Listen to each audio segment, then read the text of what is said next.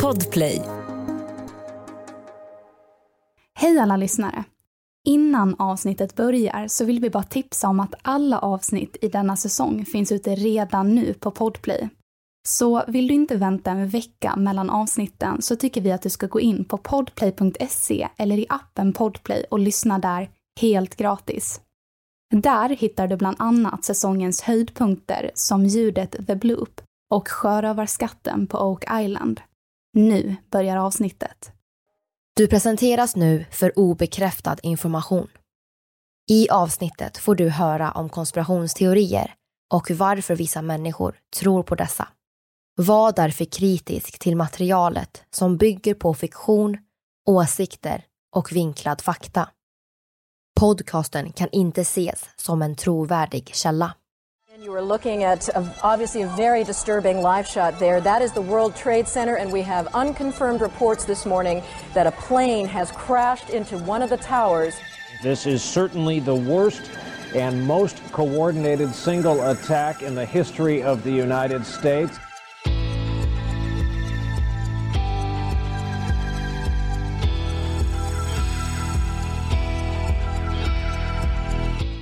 Det här är podden för dig som är intresserad av en annan version av verkligheten.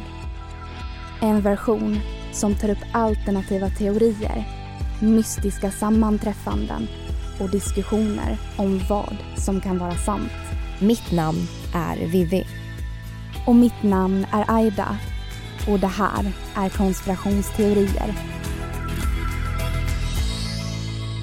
Hej allihopa och välkomna till del två av diskussionsavsnittet för 9-11. Jag heter då Vivian Lee och med oss har vi alltid Aida Engvall. Jajamän. Förutom henne så har vi även Albin Ramadani Åslund med oss också. Hej! Och senast så pratade vi väldigt mycket om ja, men det skumma som hände med, eller inte det skumma, men de teorier som finns om 9-11 och vi pratade om ja, men hur byggnaden föll, vi pratade om den här FBI-agenten och al-Qaida och bin Ladens koppling till Bush och grejer. Så att ja, vi ska fortsätta helt enkelt om andra teorier som finns. Vi, vi avslutade förra avsnittet och då pratade vi lite om motivationerna bakom USA, om huruvida bin Laden skulle vara död eller inte. Så jag vill nämna kort en, en annan motivation som USA kan ha haft. Och det här gäller främst Irak. Och det är teorin om att Irak ska, under Saddam Hussein ska ha haft tillgång till så kallade Stargates. Och att USAs invasion av Irak då skulle gått ut på att USA såklart själva ville ha de här Stargatesen. Och Stargates, vad är det? Det är det nog ingen som vet egentligen. Jag tror inte det, jag tror inte det är någon som är överens om någon typ av definitioner där. Men det är väl förmodligen det är en koppling på något sätt, kanske till en annan planet, kanske till en annan dimension. Men det är ju just, det är en port in till någonting större, till någonting annat. Och då, då är ju teorin att USA kanske skulle ha gått igenom allt det här för att kunna mörka dels Stargatesen i Irak och för att sen kunna motivera om varför man själva går in i Irak och i, i smyg tar över de här Stargatesen. Är det framtidskrig jag hör eller? Det är framtidskrig ja. Jag får ju direkt Anunnaki-kopplingar så fort jag hör sånt här. Där tror man ju att det ska finnas såna här på jorden som de här då onda varelserna kommer komma igenom och starta krig. Vilket jag vet inte om jag har fått siffran fel, men jag tror att det skulle vara 2022. Så i år? Ja, i år ja. Som det här skulle hända. För det var något kodat budskap i det då.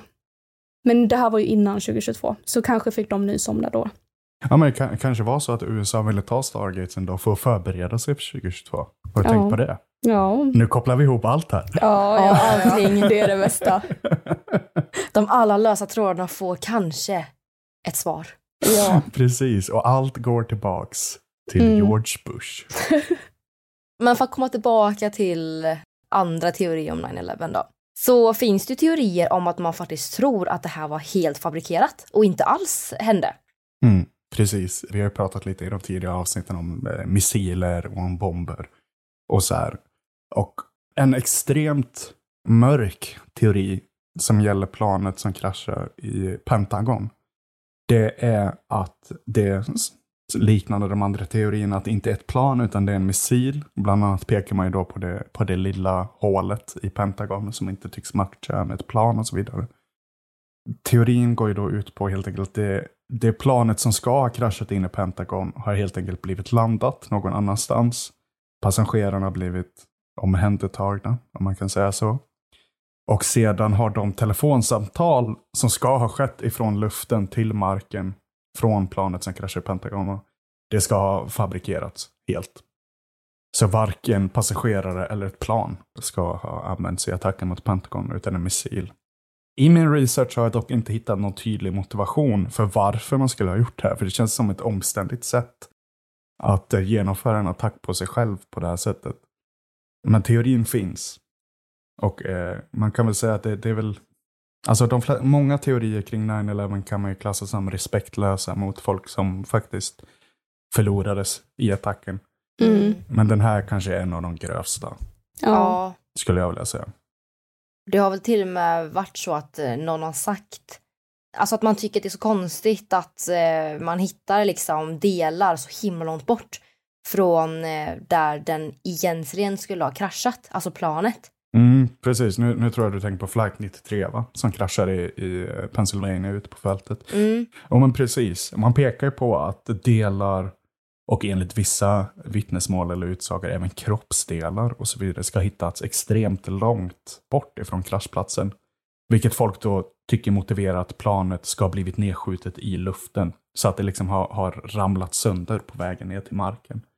Och en person tror jag, har även sagt att detta är någonting som liknar en attack med en så kallad heat-seeking missile. Med en värmesökande missil helt enkelt. Så att man ska ha skjutit ner planet, Flight 93 då, i luften. Och en av teorierna där är ju för att Flight 93, eftersom att det är det sista planet som kraschar, så att de ska ha fått reda på vad som håller på att hända, eller vad som har hänt i Pentagon, vad som har hänt i New York. Och att eh, den amerikanska militären eller någon annan organisation har skjutit ner planet istället för att låta dem på planet då kunna till exempel ringa hem och säga att nej, det finns inga terrorister ombord. Vi vet inte vad som egentligen håller på att hända. Liksom. Det kan ju vara så att de sköt ner det, alltså 93, tänker jag. Mm. Om de nu fattade eller alltså det hade ju liksom kommit indikationer på att det var kapat ju, men de verkar ju ändå liksom haft lite svårt att förstå det. Så kanske fattade de, jag vet inte. Men jag tycker också den här, det är ju liksom inte ens en rolig teori. Nej, nej precis. Nu, nu är vi ju inne i det mörka och extremt tragiska här. Ja.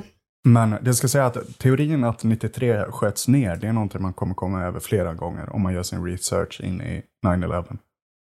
Men vi kan ju hoppa över och diskutera lite andra skumma grejer. Bland annat då den här kommissionen Mm, nu, nu blir det mycket roligare, för nu blir det politik och byråkrati. Och Japp. Nej men precis, kommissionen var ju någonting som var, ja det är extremt skumt. Det finns mycket skumt kring kommissionen. Bland annat så, just kommissionen kring 9-11 då, gavs den lägsta budgeten av eh, oberoende kommissioner som undersökt olika fenomen i USA på, eh, vad ska man säga, on behalf av den amerikanska staten. Då. Den gavs den lägsta budgeten. Den gavs även en extremt kort deadline. Vilket är så här, eh, varför? Va, va, varför skulle det vara så? Det, det här är det största som har hänt i USA. Och personerna som får i uppgift att undersöka det och vad som har gått fel och vad som faktiskt har hänt. De får den lägsta budgeten och den kortaste deadlinen. Alltså deadlinen kan jag väl köpa. För jag tänker att typ det här är någonting superallvarligt som har hänt och så här, vi vill lösa det här snabbt som attans. Ja, fast alltså för att någonting ska göras ordentligt och för att någonting ska, alltså man ska verkligen gå till botten med någonting i detalj, då behöver man ju mycket tid tänker jag. Ja, men om det är fishy så vill man ju inte ge lång tid. Exakt, det är det jag tänkte säga, för att de fick lite tid, lite pengar. Mm ja men då kanske man inte kommer så pass långt i utredningen. Nej, och eh, om det inte är fishy då, så tänker jag också att den korta deadlinen kan förklaras med att Sara, jag vet inte om de visste här att det var al-Qaida eller inte. Vid det här, vid det här laget så, så tror jag att man är ganska säker på att det är al-Qaida. Ja, och då tänker jag att då så blir det, det behövs inte undersöka så mycket. Nej, men, men å andra sidan så kommissionens huvuduppdrag var inte så mycket att säga vem har gjort det här och hur gjorde de det. Utan det var mer, vad gjorde vi fel för att stoppa det? Om du förstår vad jag menar. Så det var mer en intern utredning. Hur har myndigheter kommunicerat med varandra? Vad har gått fel i den kommunikationen? Vilka order har givits? Var det rätt order att ge? Men, men som Vivi säger, jag är lite inne på det där också, att en kort deadline och en eh, liten budget betyder ju, okej, okay, ta reda på lite. Det, det, blir nästan en så här charad, liksom. I att, okej, okay, vi behöver ha en kommission för att folket kräver det. Men vi vill egentligen inte att de tar reda på någonting. Vi vill inte att de ska veta. Nej, precis. Och för att dra tillbaka, jag får vara lite tråkig och dra tillbaka till politik och byråkrati. Så det finns ju en mer logisk kanske förklaring till det här och det är väl eh, att vad som än händer, även om USA låg bakom det här eller inte, eh, även om de lät det hända eller inte, vad man än tror på så kommer det hamna på George Bush och administrationen och att det här var ett misslyckande.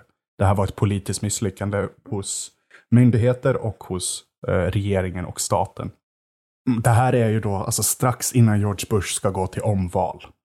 Alltså man vill ju att så lite som möjligt ska kunna gå och dra tillbaka till honom. Så det behöver ju egentligen inte vara fishy mer än i det att okej, okay, vi vet att vi har gjort fel, vi vet att det är ett misstag, kan vi prata om det så lite som möjligt. Mm. För att de vill att George Bush ska bli vald igen. Precis. Och det har vi bland annat en man, Filip Selikov heter han. Jag tror att han var någon typ av direktör, eller så här, högt upp i den här kommissionen. Och han har under kommissionens undersökning har han tät kontakt med Vita huset. Han eh, ska ha koordinerat en typ av försvarsstrategi när den här mannen som vi pratat om tidigare, Richard Clark, när han till slut blir tvingad att vittna inför kommissionen om vilka varningar han har gett till till exempel Condoleezza Rice och, Bush och så vidare. Och det ville man ju inte skulle komma ut såklart, för det pekar på att okay, Condoleezza Rice och George Bush, de visste, eller de visste att det fanns en hotbild och de har inte agerat på det. Så då är den här då Philip Selikov, han ska då ha arbetat med Vita huset för att på sätt och vis motarbeta kommissionen och deras inom situationstecken försök att skuldbelägga administrationen. Men också för att bygga någon typ av försvarsstrategi när de här extremt viktiga personerna ifrån myndigheter och ifrån regeringen till slut tvingas vittna. Någonting annat som också är så extremt skumt med kommissionen det är att George Bush, eh, presidenten såklart, och eh, Dick Cheney, försvarsminister, båda de fick ju till slut också vittna inför kommissionen om vad har de fått för varningar, vad, har de, vad gav de för order, vad visste de, vad visste de inte och så vidare. Men, och det här är extremt skumt, de vittnar bara efter att ett antal av deras krav har mötts. Dessa krav är bland annat att de ska vittna tillsammans, alltså inte individuellt, utan de vittnar tillsammans. De slipper att svära en ed, ni vet så här, lägga handen på bibeln och jag ska bara säga sanningen och ingenting annat än sanningen. Ingen inspelning eller transkribering av det de säger skulle genomföras. Förutom då från såklart en protokollsekreterare men det här protokollet eller de här anteckningarna får aldrig bli made public eller gå ut till allmänheten. Endast när kommissionen går med på det här så eh, går Dick Cheney och George Bush med på att vittna. Det är sjukt för att det tyder ju ännu mer på att de har någonting som de döljer och att de tillsammans kan bygga en historia eller en berättelse kring vad som hände från deras perspektiv och själva speglar de två som, alltså att de inte gjorde något fel eller inte visste något. Varför vill man inte svära en ed? Mm, exakt, framförallt när eden går ut på att jag ska vara ärlig. Jag ska bara berätta ärligt. Ja, varför, alltså om vi säger då att liksom de inte vill göra det här för att de har så himla mycket hemlig information som inte liksom ska komma ut till allmänheten. Och den här hemliga informationen, det är inte att de själva har gjort det, utan det är bara generellt hemlig. Varför kan man inte bara svära eden? Mm. Jag har gjort min research här, men jag kan inte säga att jag är en expert på den amerikanska byråkratin. Liksom. Men jag kan ändå tänka mig att om som det är som du säger Aida, att det helt enkelt är de måste prata om eh, klassifierade ämnen eller sekretessbelagda saker. Så tror jag, det borde ju kunna gå att även sekretessbelägga belägga och censurera i rapporten när den väl kommer ut. Om det skulle vara sånt. Så det känns inte som att det borde, borde vara ett problem. Nej, nej det tycker inte jag heller. Är det någon regel i USA typ att presidenten inte får göra sånt här? Nej, in, inte, inte vad jag är medveten om. Nej, äh, för då, nu, då är det jätteskumt. Mm. Jag tänkte bara om det fanns någonting som kunde förklara detta. För gör det inte det, då är det här uh, superkonstigt. Mm. En till grej jag vill tillägga är ju att så fort man säger att man inte vill svära en ed, det är som att säga jag tänker ljuga nu. Ja, ja, ja, ja. Jag vet inte om det är att de inte vill göra eden för att för om det visar sig att de ljuger så kan ju de straffas rejält. Precis, det är ju, jag, vad är det man kallar det på svenska? Mened, tror jag va?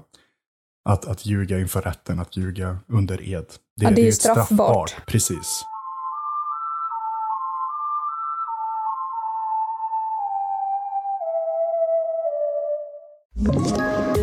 Poddtips från Podplay. I podden Något Kaiko garanterar östgötarna Brutti och jag, Davva, dig en stor dos skratt. Där följer jag pladask för köttätandet igen. Man är lite som en jävla vampyr. Man har fått lite blodsmak och då måste man ha mer. Udda spaningar, fängslande anekdoter och en och annan arg rant.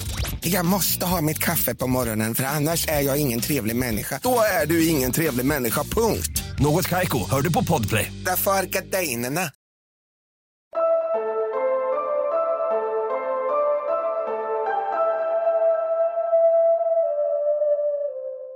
Någonting annat som jag skulle tagit upp kanske innan här, men som jag glömde. det är att eh, Vita huset, det vill säga George Bush och hans administration, de insisterade på att de själva skulle få välja eh, kommissionens ordförande. Det vill säga att det skulle inte vara en oberoende kommission, utan den skulle vara ledd av någon utsatt av Vita huset. Och de valde då först Henry Kissinger, som jag tror att vi alla vet har en historia av att eh, förmörka eller dölja amerikanska operationer i bland annat Sydamerika och så vidare. Och även han, eller kanske inte han personligen, men även Kissinger-familjen hade för tillfället ekonomiska band till bin Laden-familjen. Så det går lite tillbaka till det med att Bush också hade det. Mm, och det är väl det, att han, alltså att Bush inte vill att det ska gå emot honom. För att som sagt, det är ju val snart, alltså han vill väl bli vald igen. Mm. Ja men precis. Och det har vi också, den här Filip Selikov som vi pratade om lite tidigare. Eh, det är många från kommissionen som har vittnat om hur han verkligen insisterade och försökte köra igenom den här Iraklinjen i kommissionsrapporten. Alltså att det är Saddam Hussein och Irak ska skuldbeläggas. Kanske inte helt, för såklart vill man ju fortfarande ha hotet ifrån bin Laden och al-Qaida, för det som vi pratat om tidigare, det ger en motivering till att agera runt om i världen. Men man vill även få till det här mot Irak och Saddam Hussein. Man vill ha den här dubbla fienden. Liksom. Men jag tänker ju att det här måste fått jättemycket kritik. Ja, eh, bland annat eh, så det är USAs National Security Whistleblowers Coalition, alltså de som aktivt arbetar för visselblåsare. Folk som kommer ut med information som man inte får komma ut med egentligen, men som är extremt viktig för allmänheten. De har kritiserat kommissionen och kommissionsrapporten något enormt. Då de säger att kommissionen vägrade höra, eller censurerade, eller ignorerade vittnesmål om alla de här varningarna som ska ha givits till olika myndigheter och personer högt uppsatta. Liksom, gällande då en attack från al-Qaida. Ja, det är ju bra. Det, ja, men det, det, det är ändå bra att det finns någon typ av kritik mot det här. För det, och det är ju som sagt, det är ju inte bara National Security Whistleblowers Coalition, utan det är ju många, både ifrån eh, vardagsmänniskorna, liksom, folket på gatan, men även folk uppsatta i, i olika viktiga ämbeten. Liksom. Alltså det är så konstigt för det här tyder ju ännu mer på att de vill inte att det här ska, alltså att sanningen ska komma fram. Ännu mer. Man, alltså, man ska ju inte kanske säga så, men det, det är ju så det ser ut i alla fall. Ja, exakt så. Ja, det är så det ser ut. Och det, det är ju det som är extremt skumt. att Varför kan ni inte bara vara ärliga på sätt och vis? Liksom? Var, varför låter ni det se så fishy ut? Om det nu inte är fishy, varför tillrättagör ni det inte? Det här är ju verkligen alltså ett så tydligt exempel på hur man gör fel. Alltså från liksom myndigheter och regeringar och sånt där. För att alltså, det finns ju ingen tillit kvar efter det här. Precis, och som vi nämnde i förra avsnittet, det är över 50 procent av den amerikanska befolkningen som tror att någonting är skumt. Och det tyder ju, som du säger, på, på ett fel i kommunikation och i tillvägagångssätt Alltså kommissionen har ju bland annat, alltså den har ju fått i efterhand fått kritik ifrån sin ordförande, från sin egna ordförande och från sin vice ordförande. Där de båda säger att kommissionen var, och jag citerar här, set up to fail. Alltså att den, den var menad att misslyckas från början. Och de pekar ju då bland annat på den låga budgeten, den korta deadlinen, men också ifrån allt det här motstånd de har fått ifrån vittnen och politiker och myndigheter. Och det, det tycker jag är extremt intressant. Alltså så här, just det att andra utifrån kritiserar, det förstår jag för man, för det ser fishy utifrån. Liksom. Men de har suttit där. Det är ordförande och vice ordförande. Och de själva säger i princip, nej, det är jätteskumt. Ja, frågan är om, det, om de säger det då för att eh, det var set up to fail, alltså det var låg budget, det var kort deadline, vi kunde liksom inte undersöka det här för att alla ljög. Eller om de gjorde det för att så här, de såg att det här fick så mycket kritik. Och sen vi, vi måste ta avstånd från det här och säga att eh, skylla på inom citat här, de här sakerna. Men också för att det skulle typ se ut som att, alltså för att det ska se bättre ut, för att försöka lägga lite plåster på såren och säga att man själv kritiserar det för att det ska make sense. Eller hänger du med? Att det ska liksom, att det inte bara utifrån som kritiserar utan även de själva Nej, såklart. Det, det är amerikansk politik, eh, det är spel, politiska spel, liksom, det är byråkrati. Så som ni säger, det finns ju mycket möjligt att de hittar någon typ av politisk poäng i att distansera sig själva ifrån det. Det, det är mycket möjligt. Eller så kanske de insåg att det här är helt sjukt. Vi eh, måste alltså säga ifrån nu. Att de insåg att det här är så korrupt och jag vill inte vara en del av det här mer. Nej men precis. Alltså för, för det, det är ju mycket skumt. Bland annat har det finns eh, information om hur CIA har undanhållit videoklipp av förhör med, jag tror det är två eller tre al-Qaida-medlemmar. Alltså att kommissionen har bett CIA om vad har ni för information om eh, al-Qaida, vad har ni för förhör, vad, vi behöver all data liksom. Och CIA har då sagt att här, det här är allt vi har. Men senare har det kommit fram då att de har förstört de här videoklippen. Att de har inte lämnat över det de faktiskt bads lämna över. Och att de istället förstörde informationen. Det är jätte, jättekonstigt. Och det är någonting som inte kommer upp förrän långt senare tror jag när man gör en nästan en sekundär undersökning där man går igenom kommissionen och vad, vad kom faktiskt fram och så. Och då undersökte man det här spåret då och då visade det sig att CIA hade videos som de borde ha lämnat över enligt vad kommissionen då begärde. Men de gjorde inte det, utan de sa ni har fått allt vi har. Men så finns det då de här videoklippen som har blivit förstörda i efterhand. Jag är inte förvånad. Nej. alltså, det är CIA. Det är alltid de, alltså alltid i varje teori vi tar upp i den här podden så känns det som att de har förstört bevis.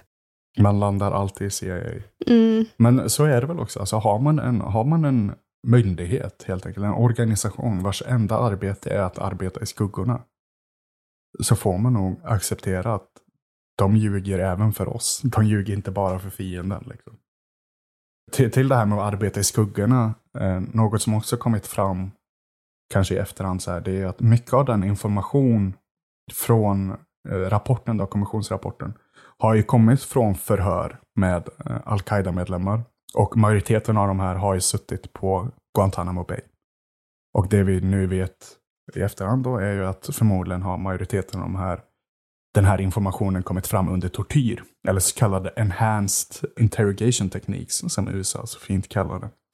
Vi pratar om waterboarding, vi pratar om electrocuting, vi pratar om white torture. Och det är också så här, okej, okay, men hur mycket av den här informationen är faktiskt reliable. Mm. Och hur mycket av den här informationen har bara kommit fram för att stoppa tortyren. Mm, precis. Och det är såklart en enorm kritik emot kommissionsrapporten då, för den bygger nästan i, i majoritet på, de här, på den här datan. Och på, precis som du säger, på tortyr. Och jag tror att det finns till och med data på att minst fyra av de förhörda har senare sagt att de, de sa bara det de behövde säga för att det skulle sluta. Mm. Och då kan man ju ifrågasätta det ännu mer. Mm. Ja, men pr precis. Väldigt skumt och sådär. Men vi kanske ska hoppa tillbaka lite till just det här med alltså attacken då. Mm. Vi pratade ju i förra avsnittet om att man eh, sköt ner plan och sådär, eller att den i Pentagon blev nedskjutna. Men det finns en annan teori också om just plan och skjutning. Ja, precis. Det är ju Dick Cheney då, eh, försvarsminister.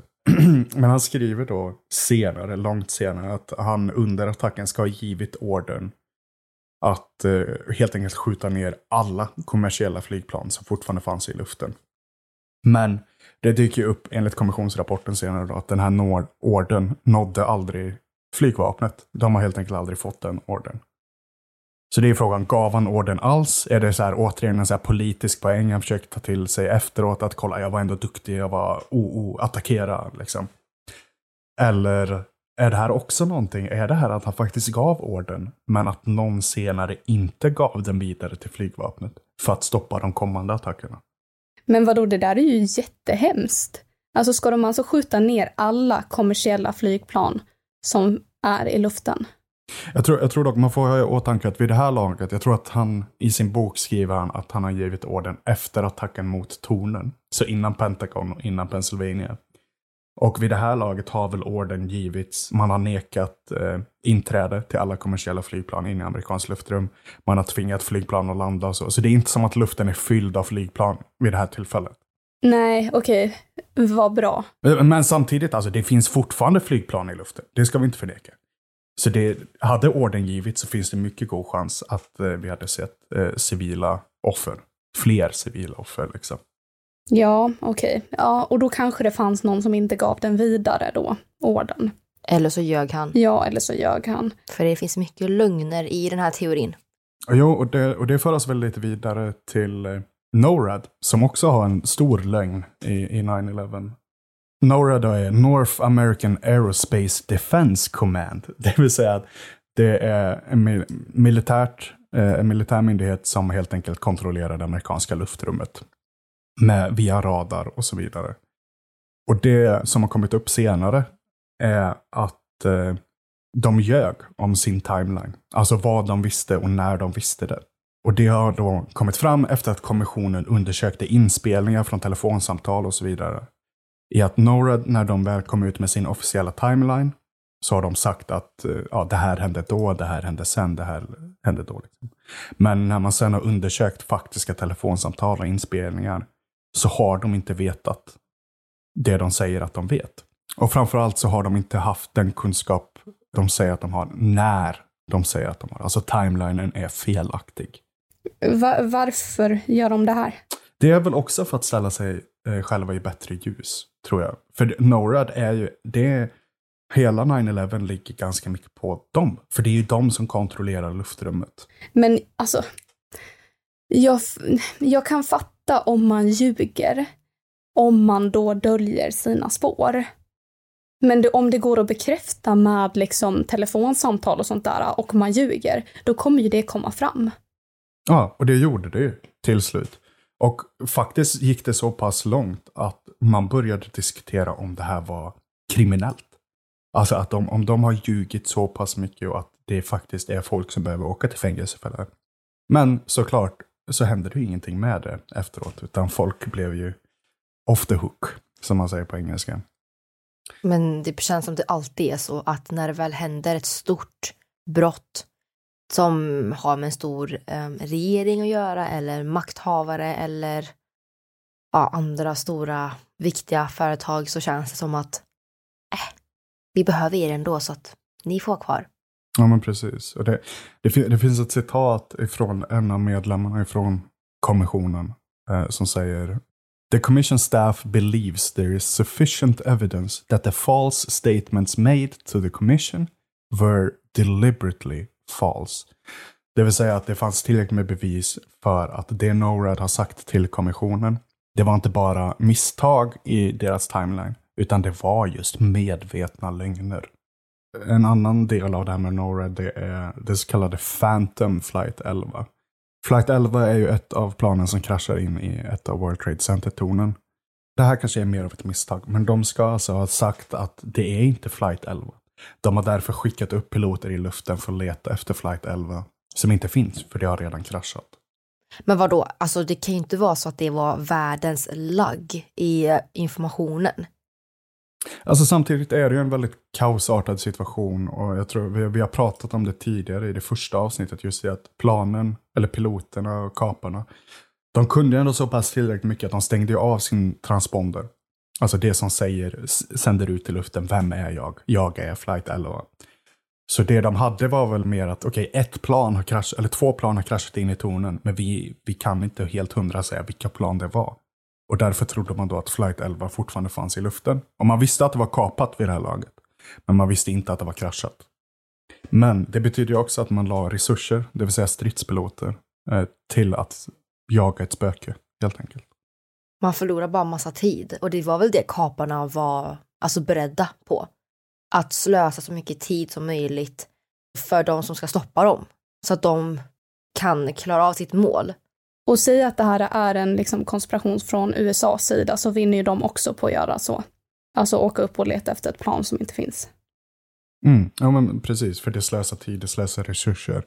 Piloter som hade kunnat jaga efter de faktiska planen som var på väg mot Pentagon och eh, det som förmodligen då var på väg i, mot Vita huset. Ja, och då ser det ut som att de gör någonting positivt då för situationen. Undra om det kan vara så att NORAD faktiskt skämdes så pass mycket att det är därför de inte nämnde Phantom Flight.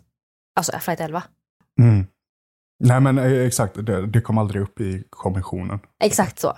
Men ja, jag vet inte. Jag tycker det är så konstigt. För på något sätt så, det är mycket obekräftat ändå. Mycket som hålls undangömt. Och mycket som man inte får veta. Det är, alltså hela den här situationen påminner nästan lite om Estonia tycker jag, fast i Sverige. Inte så pass grovt, men mest det här med att så här, du, alltså man får inte svar på saker och ting. Alltså det är lösa trådar tillsätts en kommission för att undersöka någonting som, ja, det kommer upp långt, långt senare att det inte har gått till på det sättet liksom. Eller ja, det kommer ju upp ganska direkt då med Estonia, men det bekräftas långt senare. Min poäng är bara så här att det är då det känns som att det är jätteskumt, att det är någonting som vi inte får veta. Och vad kan det vara? Ja, men exakt som du säger. Vi har fått veta jättemånga saker men allting stämmer ju inte. Och, vi, och framförallt är att vi vet att folk har ljugit. Vi vet att folk har ljugit inom CIA, att de har ljugit inom FAA, att de har ljugit inom NORAD. Vi vet kanske inte direkt att George Bush och Dick Cheney har ljugit, men vi vet ju att de gick inte med på svära en ed om att de inte skulle ljuga. Liksom. Det, det är mycket som helt enkelt inte klickar bra. Alltså vi får inte hela pusslet. Nej. Och vittnesmål från torterade personer som bara säger saker för att komma undan en hemsk situation. Och tortyren, alltså det är ju också så här, men det hjälper ju inte oss så mycket.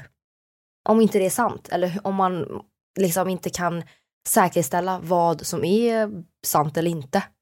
Och jag tänker liksom på så här, konspirationsteorier. Det är liksom att man hittar massa mönster och lägger ihop det till någonting som blir en teori för att vi vill hitta mönster.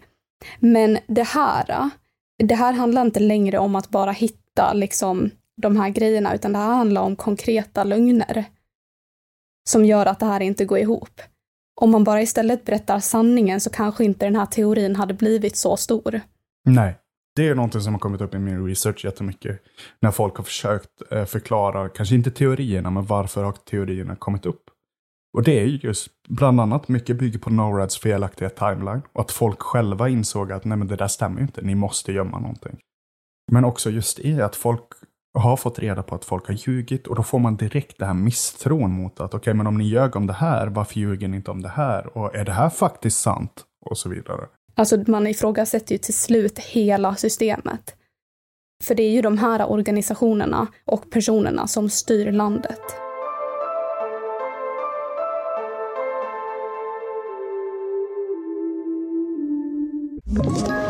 Ett poddtips från Podplay. I fallen jag aldrig glömmer djupdyker Hasse Aro i arbetet bakom några av Sveriges mest uppseendeväckande brottsutredningar. Går vi in med hemlig telefonavlyssning och, och då upplever vi att vi får en total förändring av hans beteende. Vad är det som händer nu? Vem är det som läcker? Och så säger han att jag är kriminell, jag har varit kriminell i hela mitt liv men att mörda ett barn, där går min gräns. Nya säsongen av Fallen jag aldrig glömmer på Podplay.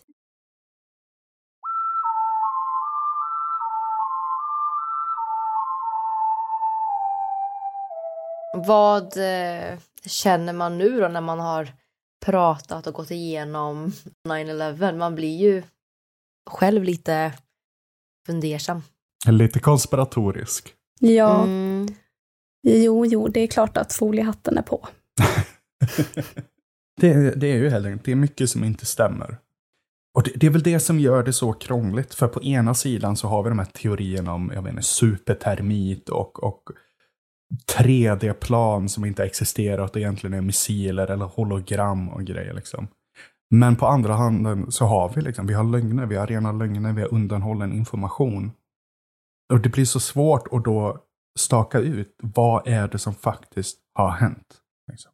Jag tror att eh, någonting som vi pratade om lite i eh, det senaste avsnittet, och det är ju om motivationen och så. Jag skulle vilja gå vidare lite på det faktiskt. För jag tror där pratade vi ju också om Vietnamkriget och hur, om hur det kom till och om hur det i ganska stor mängd också var lögner som ledde till den amerikanska invasionen. Och det finns extremt många kopplingar här emellan skulle jag vilja säga. Eh, emellan kriget mot terror och kriget mot kommunism som skedde tidigare under kalla kriget. I att det båda är extremt svårt att definiera vem är fienden. För vem som helst kan vara en kommunist eller en terrorist. Det, det finns liksom ingen tydlig fiende, utan det är bara kommunismen är fienden, eller terrorismen är fienden. Och vem i slutändan är det då som blir fiende? Jo, vem en staten väljer är fiende. Och det ser vi bland annat då i Irak, Saddam Hussein. Alltså man kan tycka såklart vad man vill om Saddam Hussein och Irak, men det fanns inga kopplingar till 9-11. Det fanns inga kopplingar till Al-Qaida. Det fanns ingenting som pekade på att Irak ska ha varit involverad i terrorism mot USA. Men Irak blir ändå fienden. För att USA bestämmer det. För att de säger att de är terrorister. Saddam Hussein är en terrorist. Det är helt sjukt hur mycket makt USA har. Mm. Jo, jag tror vi pratade lite om det. Att så här, konsekvenserna från 9-11 går ju såklart att känna överallt idag. Vi pratade om sä eh, säkerheten på flygplatser och så. Men framförallt tror jag också att muslimer runt om i världen och framförallt i västvärlden, alltså invandrare och så vidare, de har ju lidit någonting enormt av the backlash, om man vill kalla det så, i just att kriget mot terrorism fick ju den här undertonen av att terrorister är muslimer. Tyvärr ja. Och det, har- det har ju såklart blivit lite bättre, men jag tror vi pratade om det också, att det känns fortfarande idag, alltså hatbrott mot muslimer ligger fortfarande högre idag än vad de gjorde innan 9-11. Mm. Ja, det är jätte, jättehemskt. Och just att USA har makten att måla upp vem de vill ska vara fienden. Och där liksom kunna peka ut hur många som helst, vem som helst. Och att de målar sig själva som hjälten. Mm. Vi är hjälten som kommer och räddar er nu. Ja, det här kriget är för er. Mm. Till exempel i Afghanistan. Hur det, hur det faktiskt slutade. Hur slutade invasionen och ockupationen av invasion? Jo, vi är tillbaks på ruta noll. Talibanerna är tillbaks. Och eh, man kan kanske till och med argumentera för att de är starkare idag än vad de var innan invasionen. Så det har inte lett till någonting mer än att realisera korta geopolitiska mål ifrån USA. Det är mycket med 9-11 som är eh, skumt. Och jag tror att det är inte bara vi som tycker det och foliehattarna som tycker det, utan faktiskt nu när man lyssnar och går igenom allt det här, att det är mycket lösa trådar. Och då undrar man ju vad är det som händer och vem har ansvaret för det här? Eller är det flera eller en eller vad, är, vad var målet? Varför? Och ja, ni vet alla de här frågorna man får. Mm, precis. Vi har ju pratat lite om Simpsons i den här podden innan. Och det finns ju faktiskt en teori om att Simpsons på något sätt förutspådde 9-11 lite. Ja, precis. Jag kommer inte ihåg vilket avsnitt det är, men jag tror att Simpson-familjen åker väl till New York. Eller på väg till New York och så finns det en plansch med eh, tvillingtornen då. Och så tror jag det är en resa till New York och den kostar 9 dollar eller 9 cent. Så på affischen blir det 9-11. Mm, precis. Jag vet inte om vi pratade om det i vårt Simpsons-avsnitt, det är så länge sedan. Men de har ju förutspått väldigt mycket, så det känns ju som att det är dags för ett till Simpsons-avsnitt. Mm. Och jag kollar snabbt upp nu vilket avsnitt det är och det är i säsong 9 avsnitt 1. Oj, det var också Ja. nästan Ja, lite... exakt. Det var ju nästan. Skulle varit avsnitt 11. Ja, fast det kanske hade blivit för mycket. ja, kanske. Men sen så tror jag väl också så här, jag skulle tveka på att den, det avsnittet går att få tag på idag. Eller i alla fall att den scenen är med idag. Med tanke på den renskrapning man gjorde av amerikansk kultur efter attacken. Där man plockade bort tvillingtonen för att det var helt enkelt för, för jobbigt. Mm. Och sen finns det ju ett till sammanträffande med en film och det är ju The Matrix. Att Neos pass går ut den 11 september. 2001. Exakt. Mm. Det är ju skumt. Alltså så här, Simpson, det köper jag ändå för de pumpar ut så många avsnitt att ibland måste de bara ha rätt. Men Matrix, just med kopplingen till Matrix och simulationen och allt det, det blir för mycket. Nej, de visste, de visste. Alltså just, alltså för det är ju sån himla framtidsfilm också. Precis. Så att, eh, ja, det, det är klart att de ska ha rätt på den. Alltså det, nej, det, det blir bara för mycket. Mm. Eller hur? Nu ifrå- ifrågasätter man sin existens. Lever jag i en simulation? Är jag verkligen här? Alltså det, det är så roligt för i alla avsnitt så blir man verkligen så här, man kopplar ihop alla konspirationsteorier. Och sen till slut sitter man där med liksom alla existentiella frågor som finns och bara, vem är jag? Finns det en jord? Alltså, är jag en, är jag en data? Är jag en alien? Alltså vad är jag för någonting? Ja. Mm. ja, verkligen. Men eh, ja, nej, så att eh, vad tror ni, våra kära lyssnare? Mm, det vill vi höra. Vi finns ju på Facebook och Instagram där vi heter konspirationsteorier. Och sen så finns vi ju även med vår grupp konspirationsteorier eftersnack. Så där, gå med i den och eh, skriv era tankar eller läs andras tankar. Och vill ni nå mig eh, så kör jag bara röksignaler. jag håller koll eh, dagligen. Så det är bara, ja, om ni vill något. Det är ju säkrast så kanske. Ja, exakt, på det här sättet kan den amerikanska staten inte hacka mig. Nej. Du utmanar inte nu. Jag tänkte säga, jag har eh, Google Home just nu, så jag, så jag menar, de kanske tjuvlyssnar på mig nu, jag vet inte vad jag håller på med. Ba- Bang, bang, bang, FBI, open up. Ja. Försvinner jag nu så vet ni att de tog mig. Vi släpper ett avsnitt om det då. Mm, precis. Eh, men som sagt, ja, mycket tankar, mycket som rullar runt i huvudet. Vad är sant, vad är inte sant? Vem ligger bakom attacken? Vad hände egentligen? Eller är den officiella versionen sann eller finns en alternativ version? Det vet vi inte och vi kommer kanske inte få det bekräftat någonsin. Så ja, håll ett öppet sinne och eh, ja, ifall det kommer ny information då kommer vi ut med det. Och eh, lite reklam nu då. Vi har släppt merch och det finns att köpa på podstore.se. Så gå in där och scrolla och se vad ni tycker om och det kommer komma mer merch och mer eh, tryck. Mm. Riktigt grym merch. Man kan ju inte se det, men jag sitter i en eh, tisha just nu faktiskt. Åh, vad kul. Eh, men innan vi, vi rundar av här eh, så tänkte jag att vi kan prata lite om motargument och, och debunking som jag har dykt på i min research. För så är det ju att eh, mycket av det som argumenteras för från, från foliehattar från andra har ju på ett eller annat sätt debunkats eller motargumenterats. Liksom. En av de mest eh, betydelsefulla meningarna, eller vad man ska säga, som vi har fått ifrån 9-11 konspiratoriska, ja, konspirationsteoretiker, det är ju jet fuel can't melt steel beams. Det tror jag alla har hört, även de som inte är insatta i det.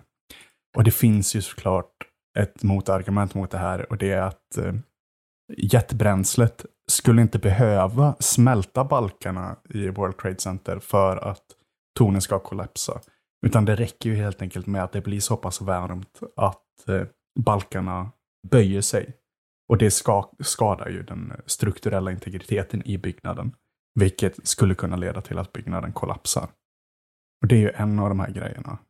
Mm, precis, det behöver inte vara att det är sprängämnen i balkarna. Nej, precis. Ett annat sånt här som vi har, det är Jag kommer inte ihåg vilket avsnitt det är vi pratar om, men vi, men vi pratar om Larry Silverstein och uttrycket pull it, som han säger i en intervju. Det som har kommit fram senare, och jag tror det är från att han har förklarat det här, det är att han menar ju inte pull it som är att man ska ha sprängt byggnaden, Han menar pull it som är att man ska ha dragit ut personalen. Jag själv tycker fortfarande att det är ett extremt fishy språkbruk att säga pull it, om det är att han menar pull them out. Mm. Men man, man ska ändå veta att eh, det finns där liksom. Sen så har vi också den här mannen som live på Fox säger att det inte såg ut som kommersiella flygplan för att han inte såg några fönster. Det är ju såklart en, en extremt skum eh, vittning, eller vittnesbild om det skulle vara så. Men man har ju faktiskt hittat fönster senare eh, i kraschplatsen. Sen så har vi det här eh, hålet i Pentagon som är, som är extremt skumt. Att varför är det så litet när ett plan är så stort? Och argumentet däremot, där finns ju ingen kanske officiell debunk, men det man har argumenterat är att planet har inte kraschat in i byggnaden. Utan det har kraschat in i marken och sen glidit in i byggnaden. Vilket har förklarat att planet har helt enkelt blivit mindre för att det har förstörts och tappat delar på väg in i väggen. Vilket innebär att det inte behöver vara en missil. Nej, precis. Och sen Mm. så finns det även vittnesmål från folk som har sett planet. Och just det här med missiler är ju ingenting som jag personligen lägger särskilt mycket vikt i. Med tanke på att man har sett flygplan. Alltså det finns vittnesmål om flygplan. Så det, det, missilerna är så här, det är någonting som för mig är ganska out there. Det är ingenting jag själv lägger någon vikt i som sagt.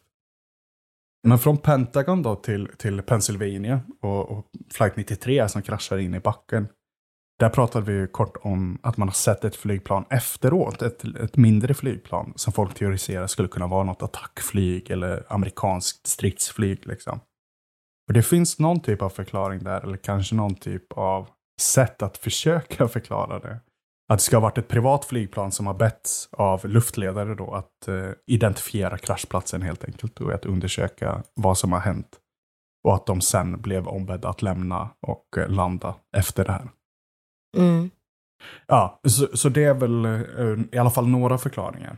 Eh, Men jag vill ändå rekommendera, alltså, ni som lyssnar eh, på de här avsnitten, ni som har ett intresse för det här, gör er egna research. För där det finns argument, där finns det motargument.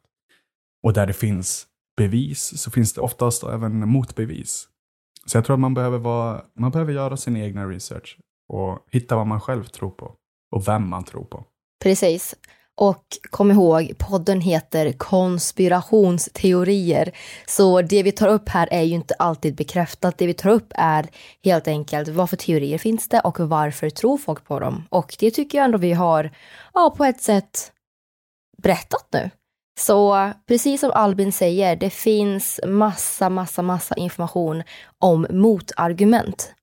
Så gör er egna research och utgå från det och se vad som sägs. Mm. Tusen tack till dig Albin och eh, ja, ni kommer säkerligen få se mer, eller ni ser ju inte oss, men ni kommer säkerligen få höra mer från oss. Japp. Så ni får det så bra tills eh, ja, nästa avsnitt helt enkelt. Mm. Hej då! Hej.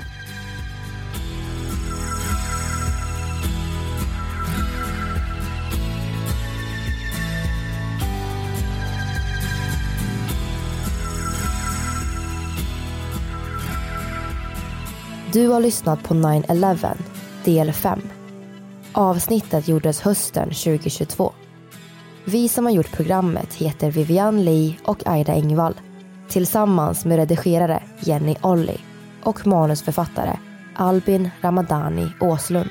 Källorna till dagens program hittar du via vår Facebook eller Instagram där vi heter konspirationsteorier.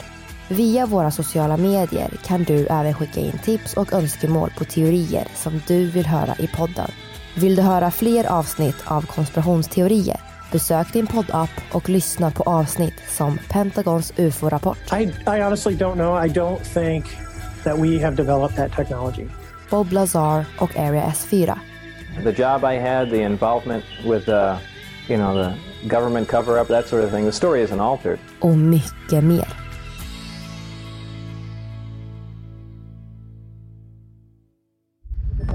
Podplay, en del av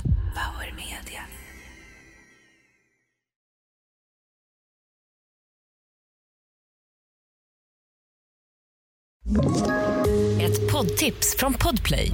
I fallen jag aldrig glömmer djupdyker Hasse Aro i arbetet bakom några av Sveriges mest uppseendeväckande brottsutredningar. Går vi in med hemlig telefonavlyssning och, och då upplever vi att vi får en total förändring av hans beteende. Vad är det som händer nu? Vem är det som läcker? Och så säger han att jag är kriminell, jag har varit kriminell i hela mitt liv men att mörda ett barn, där går min gräns. Nya säsongen av Fallen jag aldrig glömmer på Podplay.